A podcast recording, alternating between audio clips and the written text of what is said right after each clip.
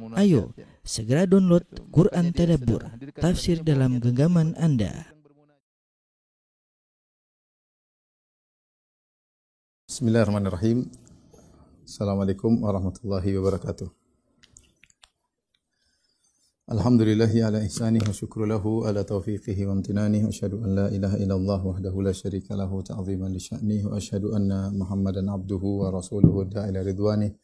Allahumma salli alaihi wa ala alihi wa ashabihi wa ikhwani. Para dokter sekalian yang dirahmati oleh Allah Subhanahu wa taala. Uh, Alhamdulillah pada kesempatan kali ini kita dipertemukan kembali untuk mempelajari hadis-hadis Rasulullah sallallahu alaihi wasallam yang dikumpulkan oleh Imam Nawawi rahimahullahu taala 42 hadis yang semuanya adalah jawami'ul kalim yaitu hadis-hadis yang lafalnya singkat tetapi maknanya dalam dan agama secara umum porosnya di atas 42 hadis ini ya. Barang siapa yang menguasai 42 hadis ini insya Allah dia memahami Islam secara global. Uh, kita sampai pada hadis yang ke-13. An Abi Hamzata Anas ibni Malik radhiyallahu taala anhu khadimi Rasulillah sallallahu alaihi wasallam. Dari Abu Hamzah Anas bin Malik semoga Allah meridainya khadimi Rasulillah yaitu pembantu Rasulullah sallallahu alaihi wasallam. Anas bin Malik uh, beliau uh, Al-Ansari tinggal di kota Madinah ya ketika Nabi sallallahu alaihi wasallam datang umur beliau masih sangat uh, muda ya. Masih sangat muda, masih kecil Kemudian ibunya yaitu Ummu Sulaim mengantarkan Anas bin Malik kepada Nabi sallallahu alaihi wasallam agar dijadikan pembantu Nabi sallallahu alaihi wasallam. Maka setelah itu Anas bin Malik mendapatkan kemuliaan bisa menjadi pembantu Nabi sallallahu alaihi wasallam. Ya, sampai Anas berkata, "Laqad khadamtu Rasulullah sallallahu alaihi wasallam tis'a sinin aw asyara sinin." Aku membantu Nabi sallallahu alaihi wasallam 9 tahun atau 10 tahun. Dan Nabi SAW tidak pernah berkata kepadaku, lima fa'alta hadha, halla fa'alta hadha. Kenapa kau tidak melakukan demikian? Kenapa kau melakukan demikian? Tidak pernah Nabi mengatakan hal itu kepada Anas bin Malik ya. Anas bin Malik tinggal di uh, bersama ibunya Ummu Sulaim bersama bapak tirinya yaitu Abu Talha Al-Ansari radhiyallahu taala karena bapaknya Anas meninggal dalam kondisi uh, kafir ya. Uh, beliau mendapat kemuliaan menjadi pembantu Nabi sallallahu alaihi wasallam oleh karenanya beliau termasuk para sahabat yang banyak meriwayatkan hadis-hadis Nabi sallallahu alaihi wasallam karena seringnya beliau dekat dengan Rasulullah sallallahu alaihi wasallam.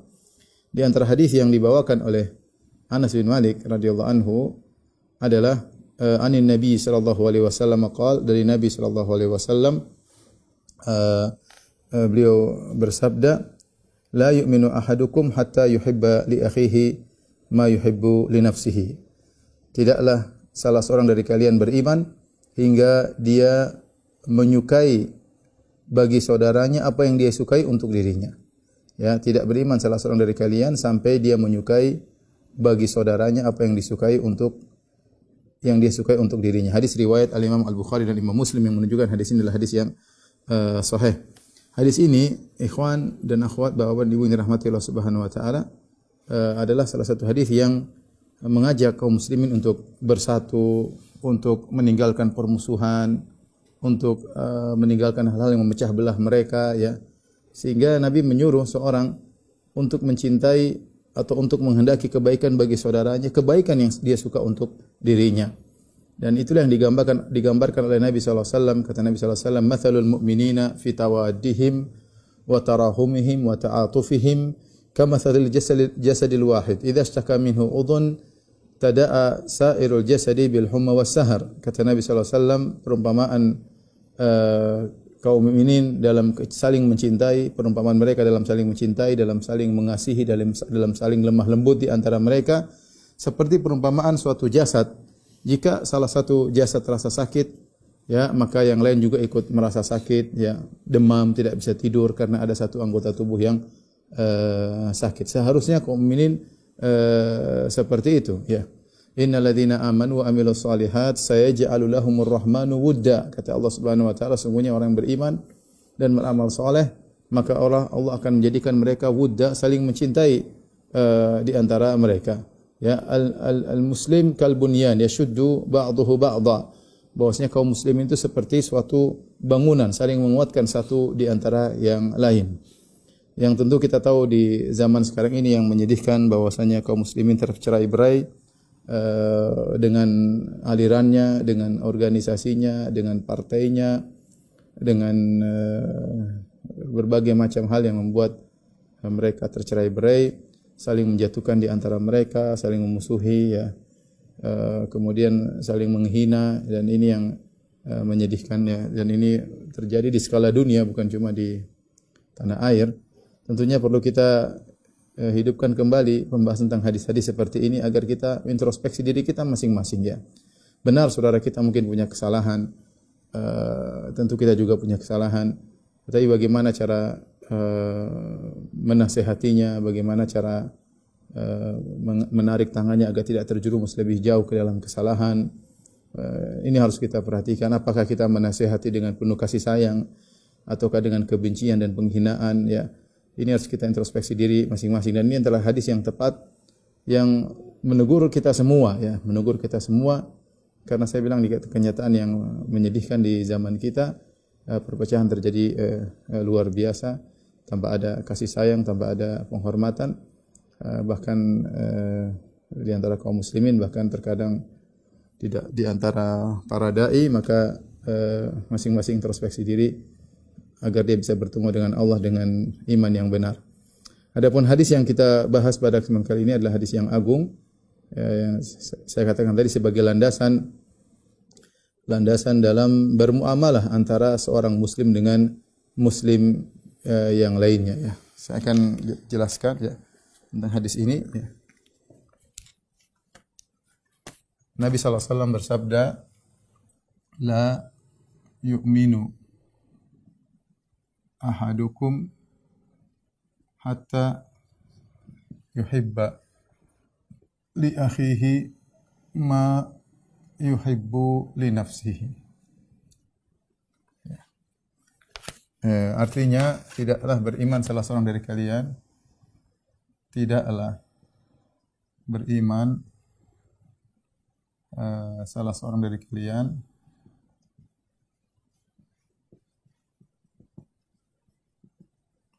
Hingga dia mencinta hingga dia mencintai bagi saudaranya hingga hingga dia menyukai bagi saudara menyukai bagi saudaranya.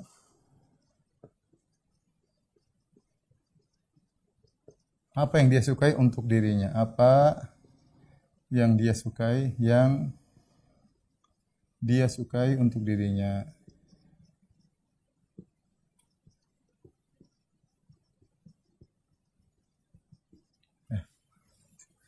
Baik, ada uh, poin yang pertama saya ingin bahas. Di sini Rasulullah SAW mengatakan la yu'min, tidak beriman. Uh, seorang tidak beriman sampai dia menghendaki kebaikan bagi saudaranya apa yang dia sukai untuk dirinya. Ya. Yang pertama perlu saya ingatkan bahwasanya uh, sebagian orang salah menerjemahkan hadis ini, mereka menerjemahkan Tidaklah beriman salah seorang dari kalian sampai mencintai saudaranya seperti mencintai dirinya. Itu itu salah terjemah. Ya karena itu hal yang uh, mau dikatakan mustahil kita mencintai orang seperti cintai diri kita. Mustahil ya. Tapi bukan itu maksudnya. Maksud Nabi tidaklah beriman salah seorang dari kalian sampai dia menghendaki kebaikan bagi orang lain yang dia suka untuk dirinya. Artinya kalau dia kaya dia ingin juga orang lain kaya. Kalau dia pintar dia ingin orang lain juga pintar. Bukan mencintai orang lain seperti mencintai diri sendiri. Ini saya sering terdengar terjemahan seperti ini beredar di masyarakat dan terjemahan yang yang salah ya dan itu perkara yang eh, pembebanan yang sulit untuk dikerjakan bagaimana seorang mencintai orang lain seperti mencintai dirinya dirinya sendiri itu hal yang sangat sulit tapi kalau sekedar menghendaki menyukai kebaikan juga didapatkan orang sebagaimana kita dapat kebaikan kita juga suka maka itu mungkin mungkin dikerjakan Taib, uh, Nabi buka di sini dengan berkata la yu'min, tidak beriman. Apa maksudnya tidak beriman di sini? Apakah kalau dia tidak memiliki perasaan seperti itu uh, mencintai kebaikan bagi saudaranya, kebaikan yang disuka untuk dirinya, berarti dia kafir, tidak beriman? Maka bukan itu maksudnya. Yang dimaksud adalah tidak sempurna imannya ya. Tidak sempurna imannya sebagaimana datang dalam hadis. Kalau ini hadis riwayat Bukhari dan Muslim ya. Ini uh, Bukhari dan Muslim ya. Datang dalam riwayat Ahmad dalam riwayat Ahmad Nabi SAW bersabda la yablugu uh, abdun hakikatul iman ya.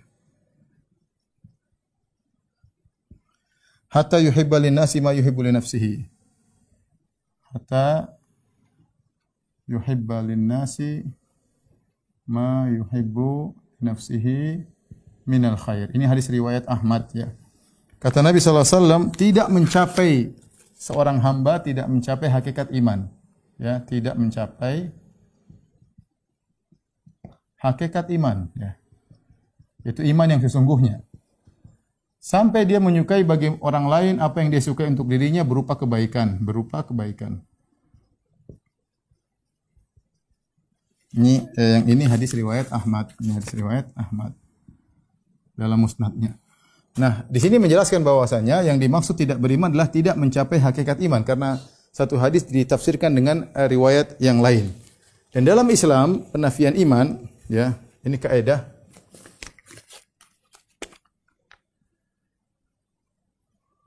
uh, penafian iman atau yang atau yang lainnya, penafian iman, penafian sesuatu dalam syariat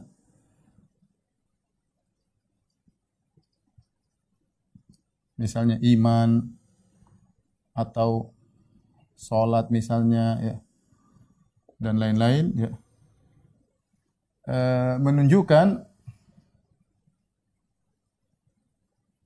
ada rukun atau kewajiban yang ditinggalkan kewajiban yang ditinggalkan Bukan sunnah, bukan sunnah yang ditinggalkan, bukan sunnah.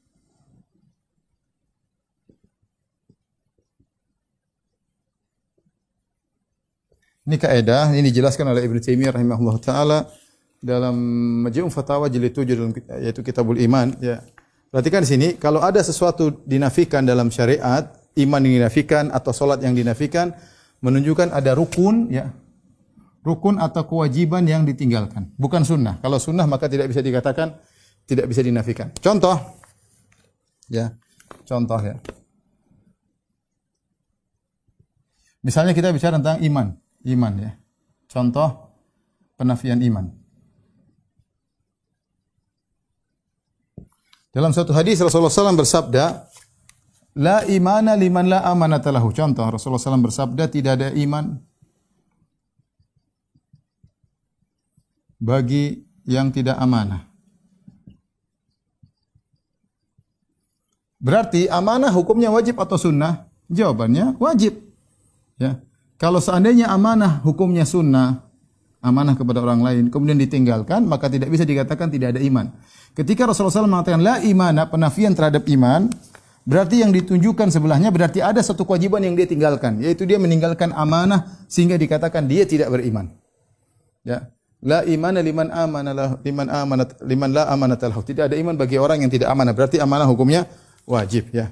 Contohnya uh, dalam satu hadis kata Nabi wasallam, "Wallahi la yu'min, wallahi la yu'min, wallahi la yu'min." Demi Allah tidak beriman, tidak beriman, tidak beriman. Khaba wa khasir. Sungguh merugi orang ini. Siapa orang tidak beriman tersebut ya Rasulullah? Kata Rasulullah sallallahu "Man la ya'manu jaruhu bawa'iqahu." Kata Nabi tidak beriman orang yang tetangganya tetangganya tidak merasa aman dari gangguannya.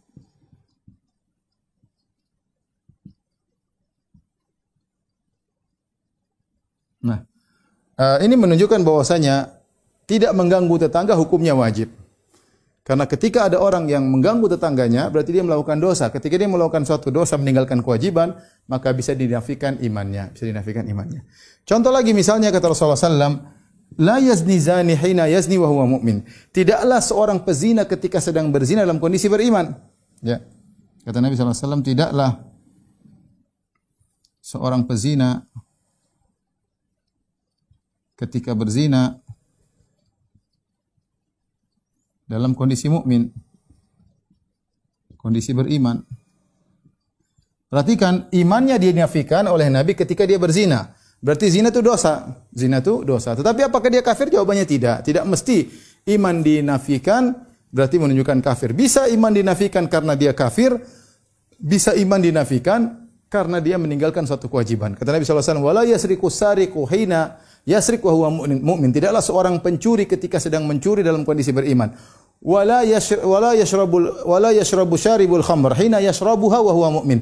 Tidaklah seorang peminum khamr ketika minum khamr dalam kondisi beriman. Apakah mereka kafir? Jawabannya tidak. Oleh karenanya orang khamr tidak kafir tapi didera. Orang mencuri tidak kafir maka dipotong tangannya orang berzina tidak kafir maka dicambuk kalau atau atau dirajam kalau memang sudah sudah menikah dan uh, tidak seperti orang-orang khawarij yang mereka menganggap kalau Nabi mengatakan tidak beriman berarti kafir. Ya? Jadi tidak selamanya suatu yang Nabi mengatakan tidak beriman berarti kafir. Bisa jadi dikatakan tidak beriman karena ada satu rukun yang dia tinggalkan? Atau karena ada kewajiban yang dia tinggalkan? Ini contoh-contoh uh, Anda suaranya hilang? Oh iya. Eh, saya ulangi, tidak tidak semua tidak semua yang Nabi mengatakan tidak beriman lantas menjadi kafir. Ya ini contoh. Karena orang Khawarij mereka ketika membaca hadis la yazni hina yazni wa huwa tidaklah seorang pezina ketika berzina berarti dia mukmin, berarti orang pezina kafir. Ya, padahal ini semua tidak kafir. Orang pezina tidak kafir, orang mencuri tidak kafir, orang minum khamar tidak kafir meskipun mereka melakukan dosa besar. Ini berarti eh, apa namanya? Eh, dosa namun tidak kafir.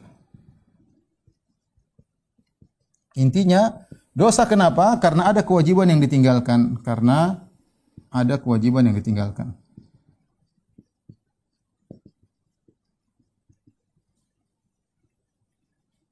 Contoh lagi seperti kalau kita bicara tentang sholat, ya. penafian sholat, contoh penafian sholat. Dan ini banyak ya dalam hadis ya. Contoh seperti Nabi SAW mengatakan, La sholata li hadrati to'am. Tidak ada sholat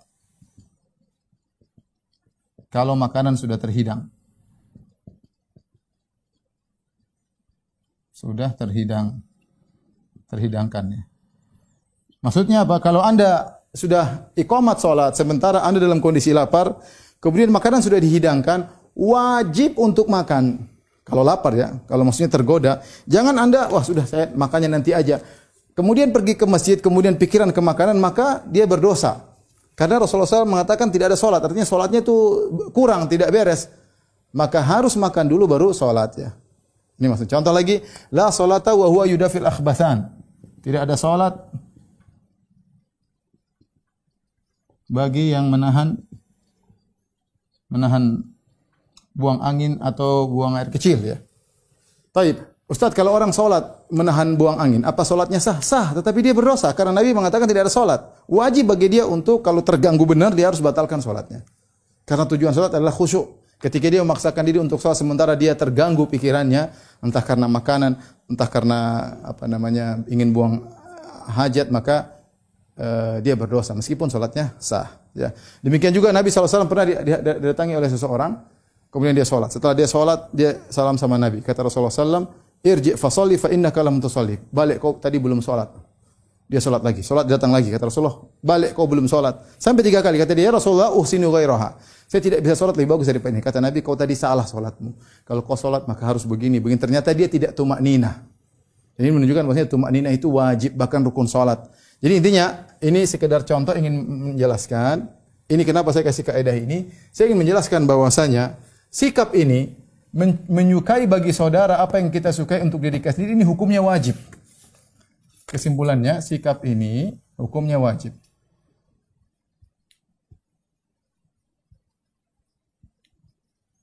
Hukumnya wajib. Seorang berusaha memiliki sifat begini terhadap saudaranya, ya, agar imannya bisa sempurna. Tidaklah beriman salah seorang dari kalian sampai dia menyukai bagi saudaranya apa yang dia sukai untuk untuk dirinya, ya.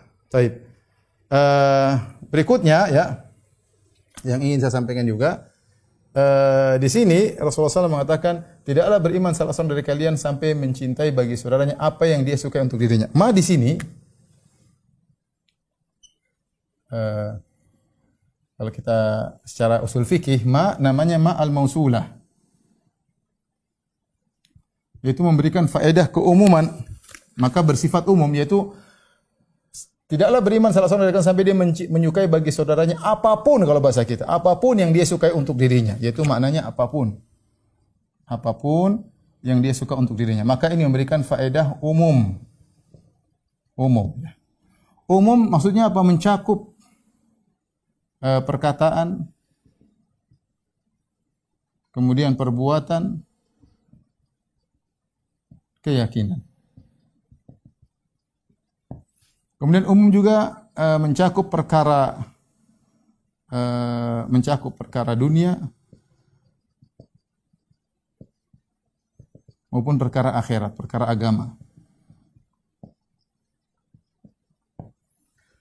Maksudnya apa ikhwan? Sebagaimana kita suka kalau kita bisa berkata-kata baik, kita ingin juga saudara kita begitu, tidak berkata-kata kotor. Kita nggak suka kalau dia berkata-kata kotor. Ya. Sama, kalau kita suka kita perbuatan baik, kita suka sholat, kita suka ngaji, kita suka uh, sedekah misalnya, kita ingin saudara kita juga demikian. Uh, kalau kita lihat dia tidak sholat kita sedih, bukan kita gembira itu tidak sholat. Enggak. Kita sedih lihat saudara-saudara kita tidak sholat ya. Sama juga masalah keyakinan. Kalau kita punya keyakinan atau keyakinan kita benar, kita saudara kita terjerumus dalam keyakinan yang salah, ada yang meyakini macam-macam khurafat dan macam-macam ya, kasihan ya. Kita kasihan sedih, bukan kita bukan kita gembira mereka tersesat dalam keyakinan yang salah, tapi kita sedih, kita ingin mereka bisa seperti kita memahami keyakinan yang benar. Itu maksudnya. Jadi eh, kita harus punya perasaan seperti itu karena kita sama muslim. Semua muslim harus saling mencintai, menghargai. Kalaupun kita kritik, kita ingin dia lebih baik bukan kemudian eh, kita curang dalam mengkritik, bukan kita apa namanya licik dalam mengkritik. Ada itu itu tidak benar ya. Kita sama-sama muslim, kita berusaha uh, menghendaki kebaikan bagi saudara kita umum baik perkataan, perbuatan maupun uh, keyakinan. Kita sedih kalau lihat saudara kita pelit ya. Kita pingin dia tidak tidak pelit seperti sebenarnya seperti yang seharusnya. Kita sedih. Lihat saudara kita minum khamar kita sedih. Lihat kita uh, misalnya wanita melihat wanita yang lain tidak pakai jilbab, auratnya terbuka sedih. Bukan kita gembira tuh, nah buka auratnya biar mampus kalian masuk neraka. Tidak. Seorang beriman, dia beriman. Saya beriman, dia ukhti. Saudara sesama muslimah. Maka kita pingin dia dapat hidayah. Itu perasaan tersebut harus ada. Sehingga kita sama kaum muslim itu saling menyayangi. Bahkan kalau kita mengkritik pun, kritik di atas kasih sayang. Bukan kebencian, bukan. Bukan kebencian, bukan fitnah, tuduhan yang tidak, tidak, tidak. Kita kritik pun dalam koridor yang kita masih sayang dengan uh, dengan orang tersebut. Demikian juga dalam uh, keumuman juga mencakup perkara uh, duniawi dan juga perkara agama ya ya sebagaimana kalau kita mempunyai kebaikan dalam perkara duniawi misalnya uh, pekerjaan kita bagus di masa pandemi kita dalam kondisi alhamdulillah ya ke, ke keuntungan berkurang tapi cuma berkurang 30% alhamdulillah 70% masih bisa bertahan kita ingin orang semua juga seperti itu Meskipun kita tidak bisa melakukan apa-apa, tapi kita ingin orang semua di masa pandemi ekonomi ekonomi mereka masih jalan. Kita ingin demikian. Ya. Banyak guru-guru yang kesulitan. Misalnya kita ingin mereka tidak sulit, tapi kita nggak bisa bikin apa-apa. Kita tidak punya kuasa untuk membantu mereka. Tapi maksud saya, perasaan itu harus ada. Bukan kita orang-orang dalam kondisi sulit, tuh tobat tuh, makanya jangan sombong-sombong dulu. Enggak, kita enggak gitu. Sesama muslim kita harus uh, apa yang kebaikan kita suka untuk kita dapatkan, kita juga ingin saudara kita mendapatkan uh, kebaikan tersebut. Demikian juga perkara agama tadi ya perkara agama kalau kita bisa umroh kita ingin semua orang juga bisa umroh kalau kita haji kita ingin orang semua bisa bisa haji ya kita ingin seperti itu ya jadi kita ingin segala kebaikan yang kita sukai untuk diri kita uh, juga bisa dirasakan uh, oleh uh, saudara kita ya. Bisa bisa dirasakan oleh saudara saudara kita. Taib. Kedudukan sekarang kita lanjutkan. Uh, Kedudukan seorang muslim terhadap yang lainnya.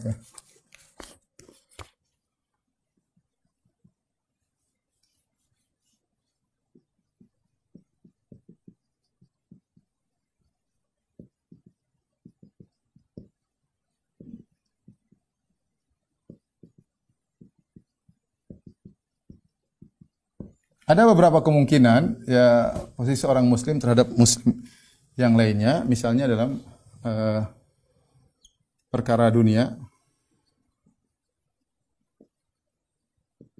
itu perkara agama ya, perkara agama.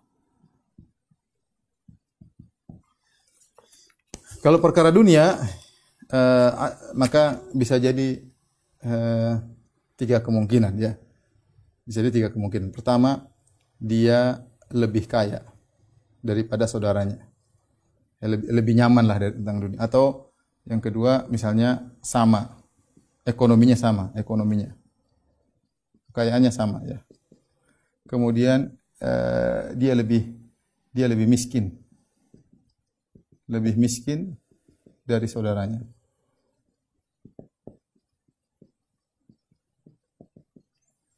Perkara perkara agama juga demikian ya. Uh, dia lebih unggul. Lebih unggul dalam perkara agama atau sama kira-kira sama dengan saudaranya atau lebih dia lebih kurang lebih kurang dari saudaranya.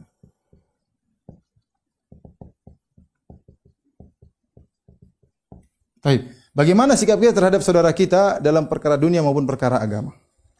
Kita mulai dengan kalau perkara agama. Misalnya, dia lebih unggul. Maksudnya gimana? Saya punya hafalan cuma 5 juz, dia 30 juz. Apa yang harus saya lakukan? Ya, kalau dia lebih unggul ya eh, bukan terbalik ya. Dia dia ini maksudnya seorang muslim ya. Eh, dia lebih unggul daripada uh, saudaranya. Misalnya uh, saya punya hafalan misalnya 5 juz, kemudian saudara saya punya hafalan 1 juz. Apa yang yang harus saya amalkan dalam hati saya? Saya ingin saudara saya bisa seperti saya. Ya. Jadi timbulkan perasaan su ingin agar agar saudaranya seperti dia. Seperti dia. Ya. Sama-sama punya hafalan lima juz, pingin. Pingin. Seperti itu ya. Tapi kalau ternyata sama-sama, ya sudah alhamdulillah. Yang penting jangan hasad. Jangan hasad. Kata Allah, tilka darul akhiratu. Naj'aluha lilladzina la yuriduna uluwan fil ardi wala fasadan. Itulah surga darul akhirat. Kami jadikan bagi orang-orang yang tidak ingin merasa lebih tinggi daripada yang lainnya. Kalau kita sama sudah, yang penting jangan hasad. Jangan kebanyakan orang kalau ada yang sama dengan dia dia hasad. Dengan ada sama seperti dia, maka dia pun hasad. E, bagaimana kalau ternyata kita lebih kurang daripada orang lain? kita lebih kurang daripada orang lain, ya kalau ternyata saudara kita lebih hebat daripada kita urusan agama, maka kita ingin seperti dia. Seperti saudara, saudaranya ingat tanpa hasad, namun tanpa hasad. Dan ingin seperti saudaranya yang lebih unggul itu disebut dengan al-ghibtah. Dan ini ini bagus ya. Ini bagus. Oleh karenanya Nabi SAW mengatakan la hasada illa fisnatain. Tidak ada hasad kecuali terhadap dua uh, perkara. Tidak ada hasad kecuali dalam dua perkara. Pertama rajulun ya atahullahul hikmah wa huwa yaqdi bihi wa yu'allimuha. Boleh kita hasad kepada orang yang diberi ilmu dan dia mengajarkannya. Artinya kita bukan hasad pingin seperti dia.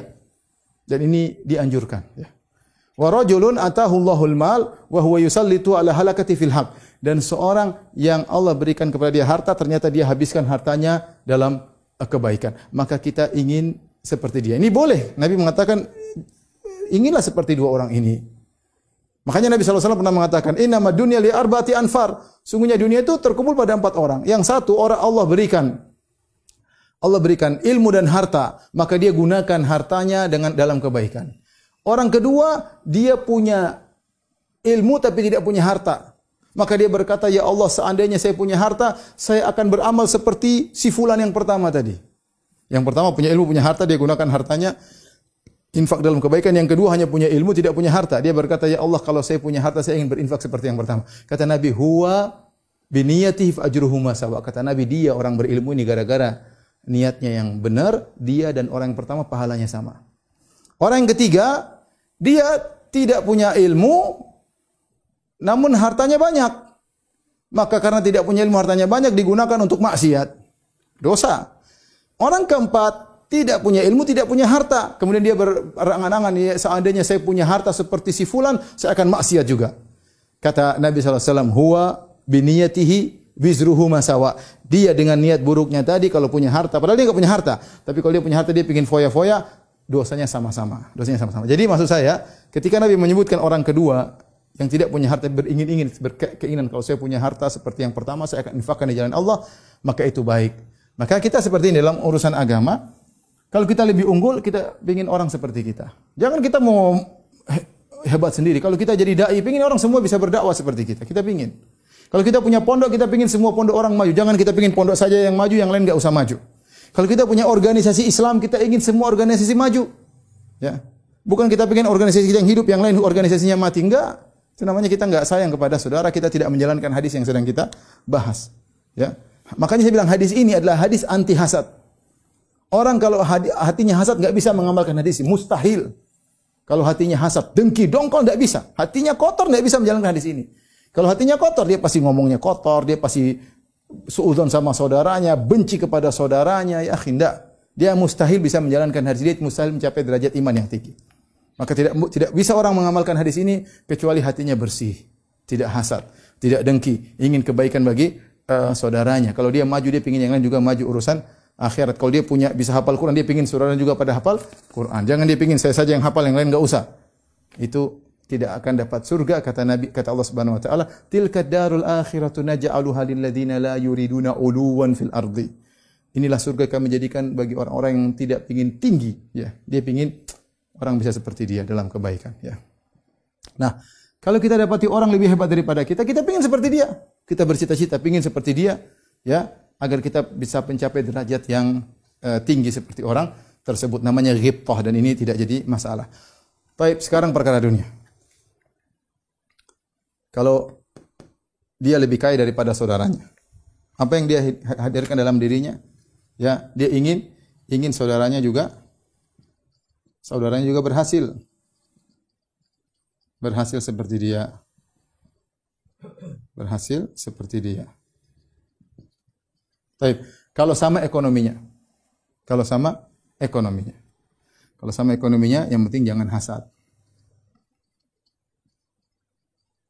Nah, kalau ternyata saudaranya lebih kaya, dia lebih jangan lebih miskin ya, saudaranya lebih kaya. saudaranya lebih kaya.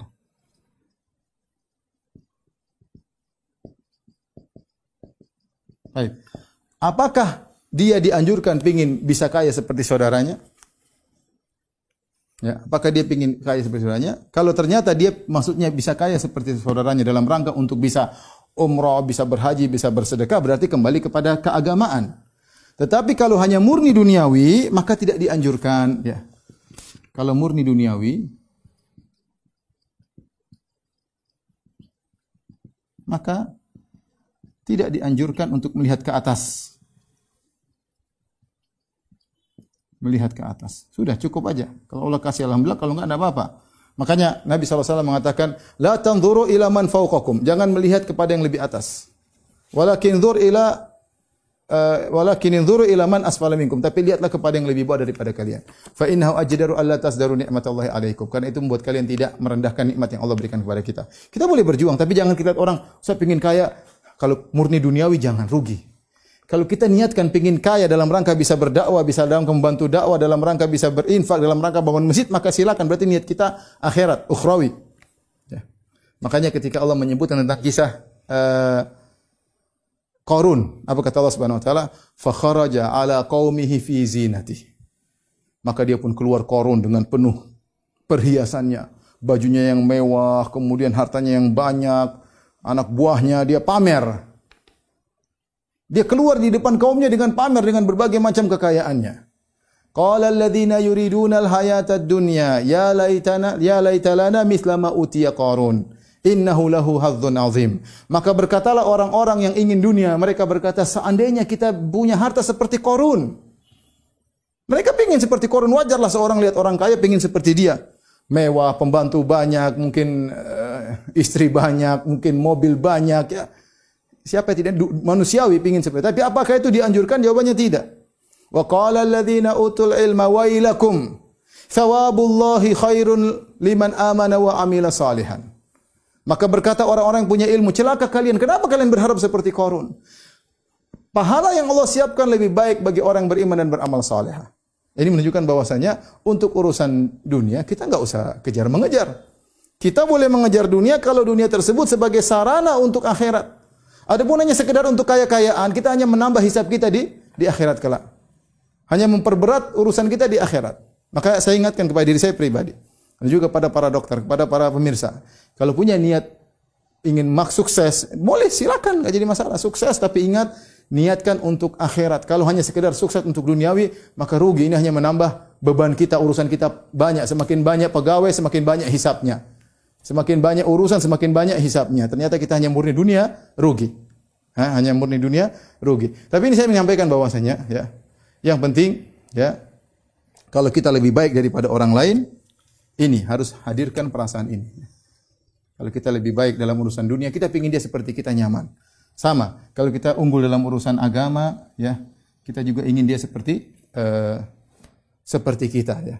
Kita sedih kalau dia agamanya rendah. Kita sedih kalau dia bermaksiat. Bukan kita gembira. Kita sedih kalau dia terjerumus dalam bid'ah. Kita sedih dia enggak paham-paham. Kita sedih. Bukan kita bangga kita yang hebat sendiri. Kita yang punya hafalan sendiri. Kita bodoh-bodoh. Enggak. Kita sedih. Harusnya demikian kalau kita benar-benar sama mukmin. Kalau kita punya perasaan seperti ini, insya Allah kita bersahabat kita saling menyayangi. Kalau ada yang salah pun kita tegur dengan baik, bukan dengan mulut kotor, bukan dengan menghina. Kita di Indonesia sudah terlalu banyak saling menghina, saling menjatuhkan, saling merendahkan. Apalagi sudah masuk politik dan yang lainnya. Semoga Allah maafkan kita semua. Karenanya Nabi SAW pernah berkata kepada Abu Zar, ya. Rasulullah berkata kata Abu Zar, qala li Nabi SAW. Nabi SAW berkata kepada aku, ya Abu Zar, wahai Abu Zar. Ya, kata Nabi SAW. Inni uhibbu laka, inni araka dhaifan. Aku lihat kau orangnya lemah wahai Abu Dzar. Wa inni uhibbu laka ma uhibbu li nafsi. Dan aku ini kata Nabi kepada Abu Dzar, aku menyukai untukmu apa yang aku sukai untuk diriku. Tapi aku lihat kau ini orangnya lemah. Maka apa nasihat Nabi SAW? Ya, la ta'amarranna ala thnain. Jangan kau menjadi pemimpin bagi dua orang. Wala tawalayanna malal yatim dan jangan kau ngurusin harta anak yatim. Ya, karena Rasulullah tahu untuk menjadi pemimpin butuh saksi yang butuh pribadi yang yang kuat, yang hebat, yang tegar baru bisa menjadi seorang pemimpin. Karena Nabi melihat uh, Abu Dzar adalah orang yang uh, apa namanya lemah. Nabi mengatakan, saya ingin kebaikan bagimu sebagaimana saya ingin kebaikan untuk diriku. Jangan kau jadi pemimpin. Ya, berat ya. Dan jangan kau ngurusi harta anak yatim karena berat tanggung jawabnya berat. Ini contoh bahwasanya Nabi SAW menyampaikan bahwasanya dia menghendaki kebaikan bagi uh, saudaranya apa yang dia suka uh, untuk uh, dirinya ya.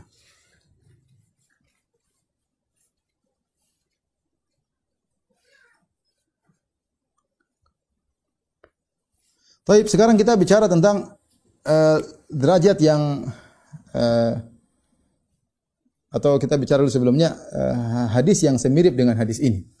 Ada hadis yang semirip dengan hadis ini yaitu Rasulullah SAW pernah ditanya tentang afdalul iman. Ya Rasulullah, apa iman yang paling afdal? Maka Rasulullah SAW menjawab, afdalul iman, iman yang paling afdal, antuhibba linnas linnasi ma yuhibbu li nafsik, yaitu kau uh, menyukai bagi manusia, bagi masyarakat apa yang kau sukai untuk dirimu. Wa takrahu lahum wa antakraha lahum ma takrahu. Dan kau tidak suka menimpa mereka apa yang menimpa dirimu. Kau tidak suka. Ada perkara yang buruk kau tidak suka menimpa dirimu, kau juga tidak suka menimpa orang lain. Maka uh, ini adalah termasuk maknanya sama dengan hadis yang sedang kita bahas, la yu'minu ahadukum hatta yuhibba li akhihi ma yuhibbu li nafsihi. Tidaklah beriman salah seorang dari kalian sampai menghendaki kebaikan bagi saudaranya apa yang disukai untuk dirinya, berarti konsekuensinya tanpa perlu di tidak perlu dimantukan, tidak perlu ditekstualkan, kita paham. Berarti kita nggak suka kalau ada keburukan menimpa saudara kita sebagaimana kita nggak suka kalau keburukan menimpa diri kita. Bukan kita gembira, bukan kita tertawa kalau ada ke, ke, ke, kesulitan atau ke, ke perkara yang buruk menimpa saudara kita. Itu konsekuensinya. Kemudian Nabi SAW juga dalam Sahih Muslim, Rasulullah SAW menjelaskan tentang adanya fitnah. Fitnah akan datang bertubi-tubi. Ya, sampai kata Nabi SAW, fayurokiku ba'duha ba'dan. Sampai begitu dahsyatnya fitnah, sampai fitnah yang datang dahulunya kita merasa dahsyat, begitu datang fitnah yang lebih dahsyat, kita menganggap yang dulu sepele. Karena saking dahsyatnya yang yang yang di kemudian hari ya. ya yang datang belakangan lebih dahsyat, lebih dahsyat. Seperti sekarang dulu orang mungkin ya apa dulu mungkin parabola ya mungkin sudah oh ini haram lah haram lah kemudian lebih besar lagi internet sekarang semua bisa dilihat ya kalau kita mungkin bicara perkara-perkara ini kok berani ngomong tentang agama begini sekarang ateis pun bicara dalam lebih ngeri lagi fitnah lebih besar di zaman zaman sekarang. Kalau dulu ada orang mungkin meninggal satu dua jadi heboh, sekarang ratusan terbunuh, sekian dibunuh, sekian dibunuh. Subhanallah. Tapi kalau kita menghadapi fitnah yang seperti ini yang membuat kita bingung menghadapinya, apa yang kita lakukan? Kata Nabi sallallahu alaihi wasallam, "Man ahabba an yuzahzaha anin nar." Barang siapa yang suka untuk terselamatkan dari neraka jahanam, wa yudkhalal jannah dan suka dimasukkan dalam surga, falta'ti maniyatuhu wa huwa yu'minu billahi wal yaumil akhir. Hendaknya ketika dia meninggal dalam kondisi beriman kepada Allah dan hari akhirat. Wal ya'ti ilan nas alladhi yuhibbu an yu'ta ilaihi dan bersikaplah kepada manusia dengan sikap yang dia suka untuk disikapi pada dirinya. Ini di antara praktek hadis ini. Kalau kita ingin selamat dari fitnah, berakhlak mulia. Apa akhlak mulia? Bersikap kepada orang lain dengan sikap yang kita suka disikapi dengan sikap tersebut. Kalau kita tidak suka dicaci maki, jangan caci maki orang lain. Ya. Kalau kita tidak suka direndahkan orang, jangan merendahkan orang orang lain. Kalau kita tidak suka menggibahi digibahi orang lain, maka jangan menggibahi orang lain. Kalau kita tidak suka uh, apa namanya kita diomelin istri, maka jangan omelin istri. Bagaimana cara menerapkan sini? Posisikan diri kita seperti orang yang sedang akan kita hadapi. Kalau kalau kira-kira kita bagaimana sih ingin berbuat baik kepada orang tua? Coba posisikan diri kita sebagai orang tua kita. Kalau kita jadi orang tua, apa yang kita inginkan? Kita ingin anak kita datang, telepon, kasih hadiah dan yang lain kita ingin, maka lakukanlah seperti itu. Jadi maksud saya, lakukan kepada orang lain sikap yang kau suka untuk dilakukan kepada dirimu itu salah satu jalan untuk selamat daripada fitnah. Dan itu salah satu penerapan dari hadis Nabi, la yu'minu ahadukum hatta yuhibba li akhihi ma yuhibbu li nafsihi. Tidaklah beriman salah seorang dari kalian sampai dia menghendaki kebaikan bagi saudaranya apa yang disukai untuk dirinya. Terakhir saya akan bahas tentang masalah ithar. Ithar ini kedudukannya lebih tinggi lagi. Al-ithar Ithar apa mendahulukan orang lain daripada diri sendiri.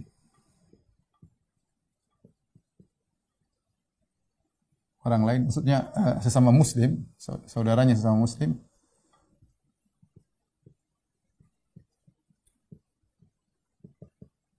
daripada diri sendiri. Apa hukumnya?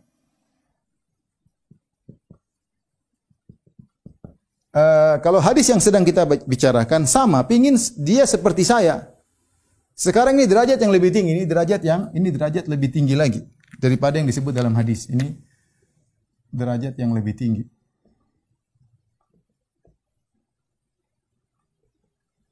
Daripada hadis yang sedang kita bahas. Al-ithar ya bahasa Indonesia apa? Al-ithar. Ithar. Mendahulukan orang lain yaitu sama saudara muslim daripada diri sendiri. Bagaimana hukumnya? Al-ithar ada dua kondisi. Ya. Ada dua uh, kondisi. Yang pertama, ithar dalam perkara duniawi. Yang kedua isar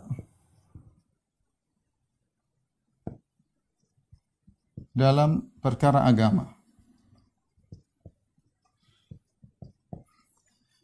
Adapun isar dalam perkara duniawi maka ini hukumnya sunnah, hukumnya mustahab dianjurkan. Ya, mustahab dianjurkan. Allah sebutkan dalam Al-Qur'an tentang kaum Ansar kata Allah Subhanahu wa taala wa yu'thiruna ala anfusihim wa walau kana bihim khasasa walau kana bihim khasasa wa man yuqa nafsihi fa ulaika humul muflihun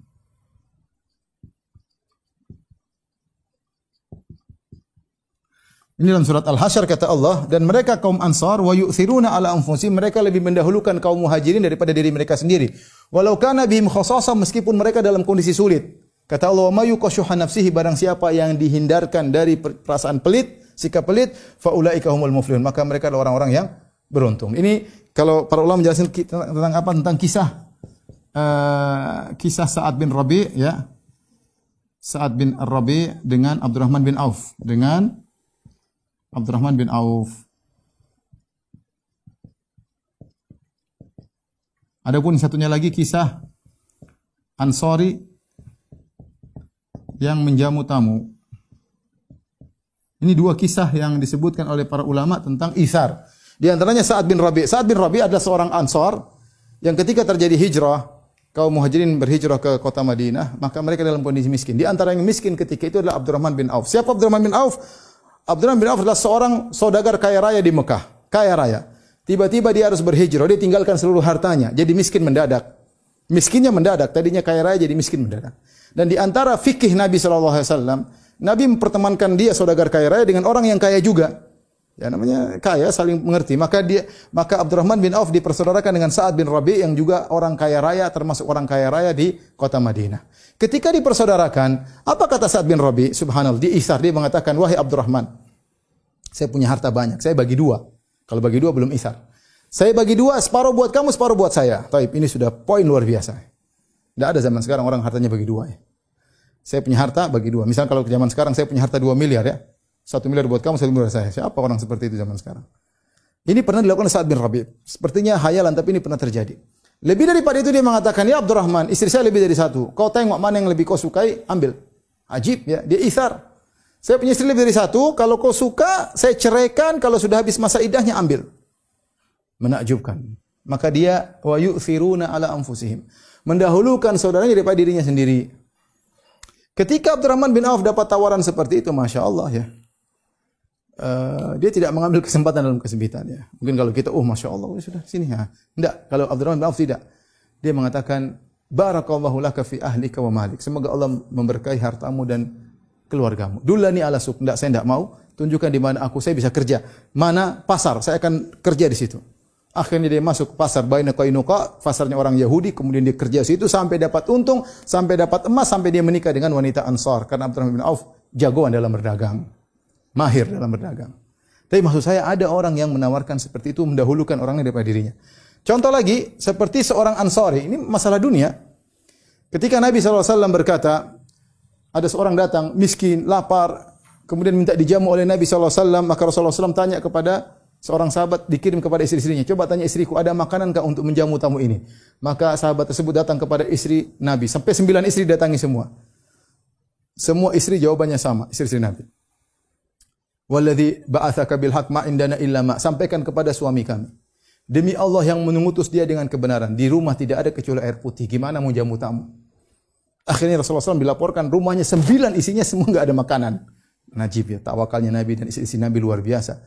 Sembilan rumahnya semua istri-istrinya tidak ada makanan, cuma air putih semuanya. Kompak semuanya air putih. Ketika dapat laporan, apa yang dilakukan? Maka Nabi SAW mengatakan, Man yudhaifu dhaifa Rasulullah. Rasulullah tawarkan kepada para kaum Ansar. Siapa yang mau menjamu tamunya Rasulullah? Kemuliaan. Ini tamu Nabi. Saya tidak bisa menjamunya. Siapa yang bisa jamu? Ada seorang Ansar mengatakan, saya Rasulullah, saya akan jamu. Dengan pedenya orang Ansari tersebut datang pergi ke rumahnya, ketemu istrinya. Orang dulu banyak miskin. Makan saja susah. Maka dia berkata kepada istrinya, wahai istriku ada makanan enggak? Ada tamunya Rasulullah. Kita muliakan. Kata istrinya, wahai suamiku, buat makanan buat kamu tidak ada, buat saya tidak ada. Bagaimana mau kasih tamu? Cuma ada makanan buat anak-anak. Mereka belum makan. Kata sahabat ini begini saja. Kau jangan kasih makan anak-anak. Udah. Hajak mereka ngobrol sampai tidur, ketiduran. Terus kalau mereka sudah tidur, makanan yang buat anak-anak kasihkan kepada tamu kita. Tapi caranya bagaimana supaya dia tidak malu? Kau pura-pura perbaiki lampu terus matikan lampu. Supaya tamu kita kalau makan dalam kegelapan, dia lihat kita nggak makan nanti dia nggak enak makan. Maka istrinya kerjakan. Dan istrinya juga soleha, tidak berkata, mas ini ada-ada aja, kita aja belum makan, panggil. istrinya sabar, yo nurut. Ya oh gitu mas, ya nurut, tidak banyak protes, tidak ngomel, tidak ngomong, tidak. Seperti istri-istri Pak Dokter kali, Masya Allah ya. Kemudian, uh, maka istrinya langsung nurut, istrinya bilang sama, istrinya menjalankan apa yang dikatakan suaminya, makanan dihidangkan kepada tamunya tersebut, kemudian dia pura-pura perbaiki lampu, dimatikan. Akhirnya Tamunya makan sementara sang tuan rumah seperti bolak-bolak suatu seperti makan padahal tidak makan, kelaparan. Akhirnya tamunya kenyang, mereka satu keluarga tidur kelaparan. Ajib, Isar mendahulukan orangnya daripada dirinya. Besok paginya Rasulullah SAW dikabarkan oleh Allah tentang kejadian tersebut. Ya. Maka Rasulullah berkata kepada sahabat tersebut, Ajab Allah, Allah takjub dengan bisoni ikuma al-bariha bidaifikuma. Allah kagum dengan sikap kalian terhadap tamu kalian semalam wa yu'thiruna ala anfusihim walau kana bihim khasasah. Dan mereka mendahulukan uh, orang lain meskipun diri mereka juga dalam kesulitan. Oleh karena disebut dalam kisah perang Yarmuk ketika ada uh, tiga, tiga, tiga orang dari para syuhada sebelum mereka meninggal semua dalam kondisi mau meninggal dunia. Maka salah satu berkata saya haus, saya haus. Maka ada seorang mengantarkan air minum karena kehausan dia mau meninggal dikasih air, air minum. Ketika dia mau minum tiba-tiba saudara sebelahnya berteriak saya haus, saya haus. Kata dia, kasihkan aja kepada kawanku. Subhanallah. Ini mau mati, kasihkan kepada kawanku. Maka orang ini bingung dia bawa kepada kawannya.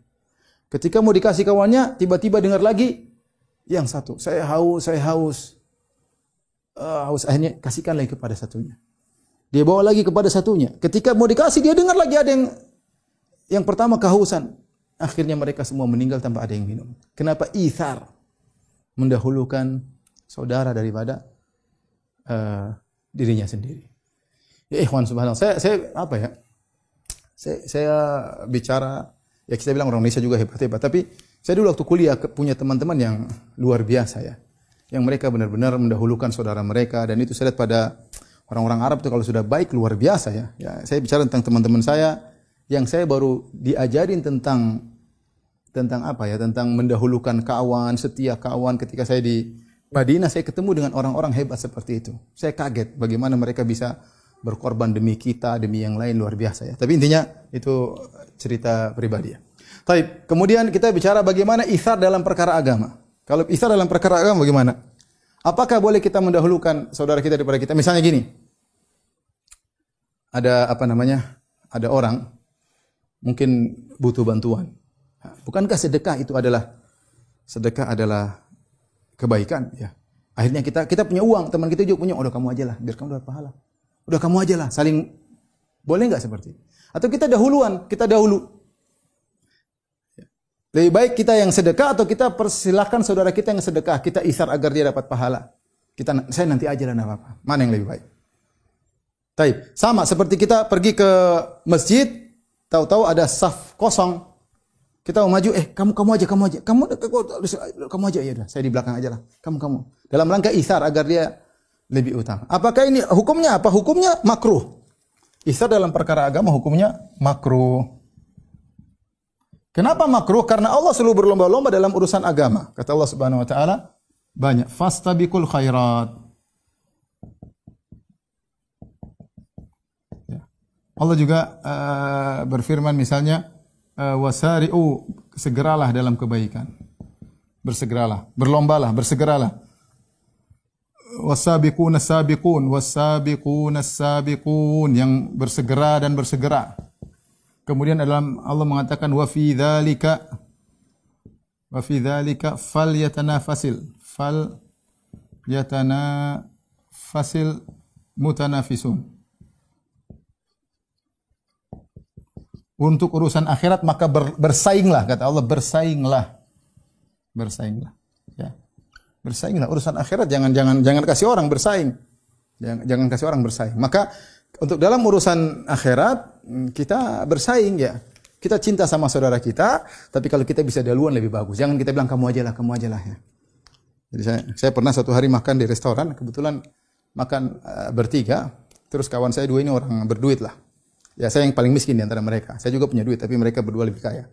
Ketika waktu pembayaran, maka mereka berdua maju, mereka ribut. Saya yang bayar, saya ribut di depan kasir.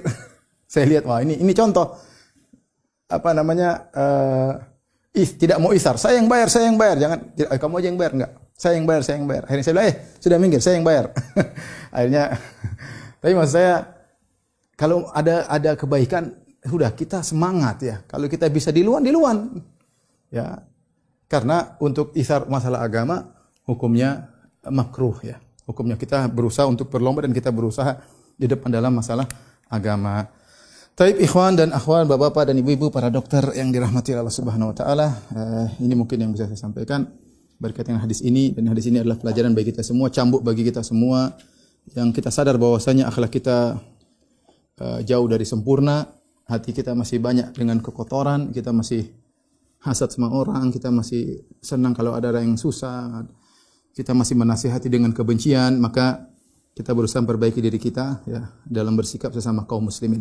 Wallahu alam bisawab. Uh, demikian saja apa yang saya sampaikan. Kurang lebihnya saya mohon maaf uh, kepada para dokter. Insyaallah kita uh, bertemu di kesempatan yang lain. Wabillahi taufiq walhidayah. Assalamualaikum warahmatullahi wabarakatuh.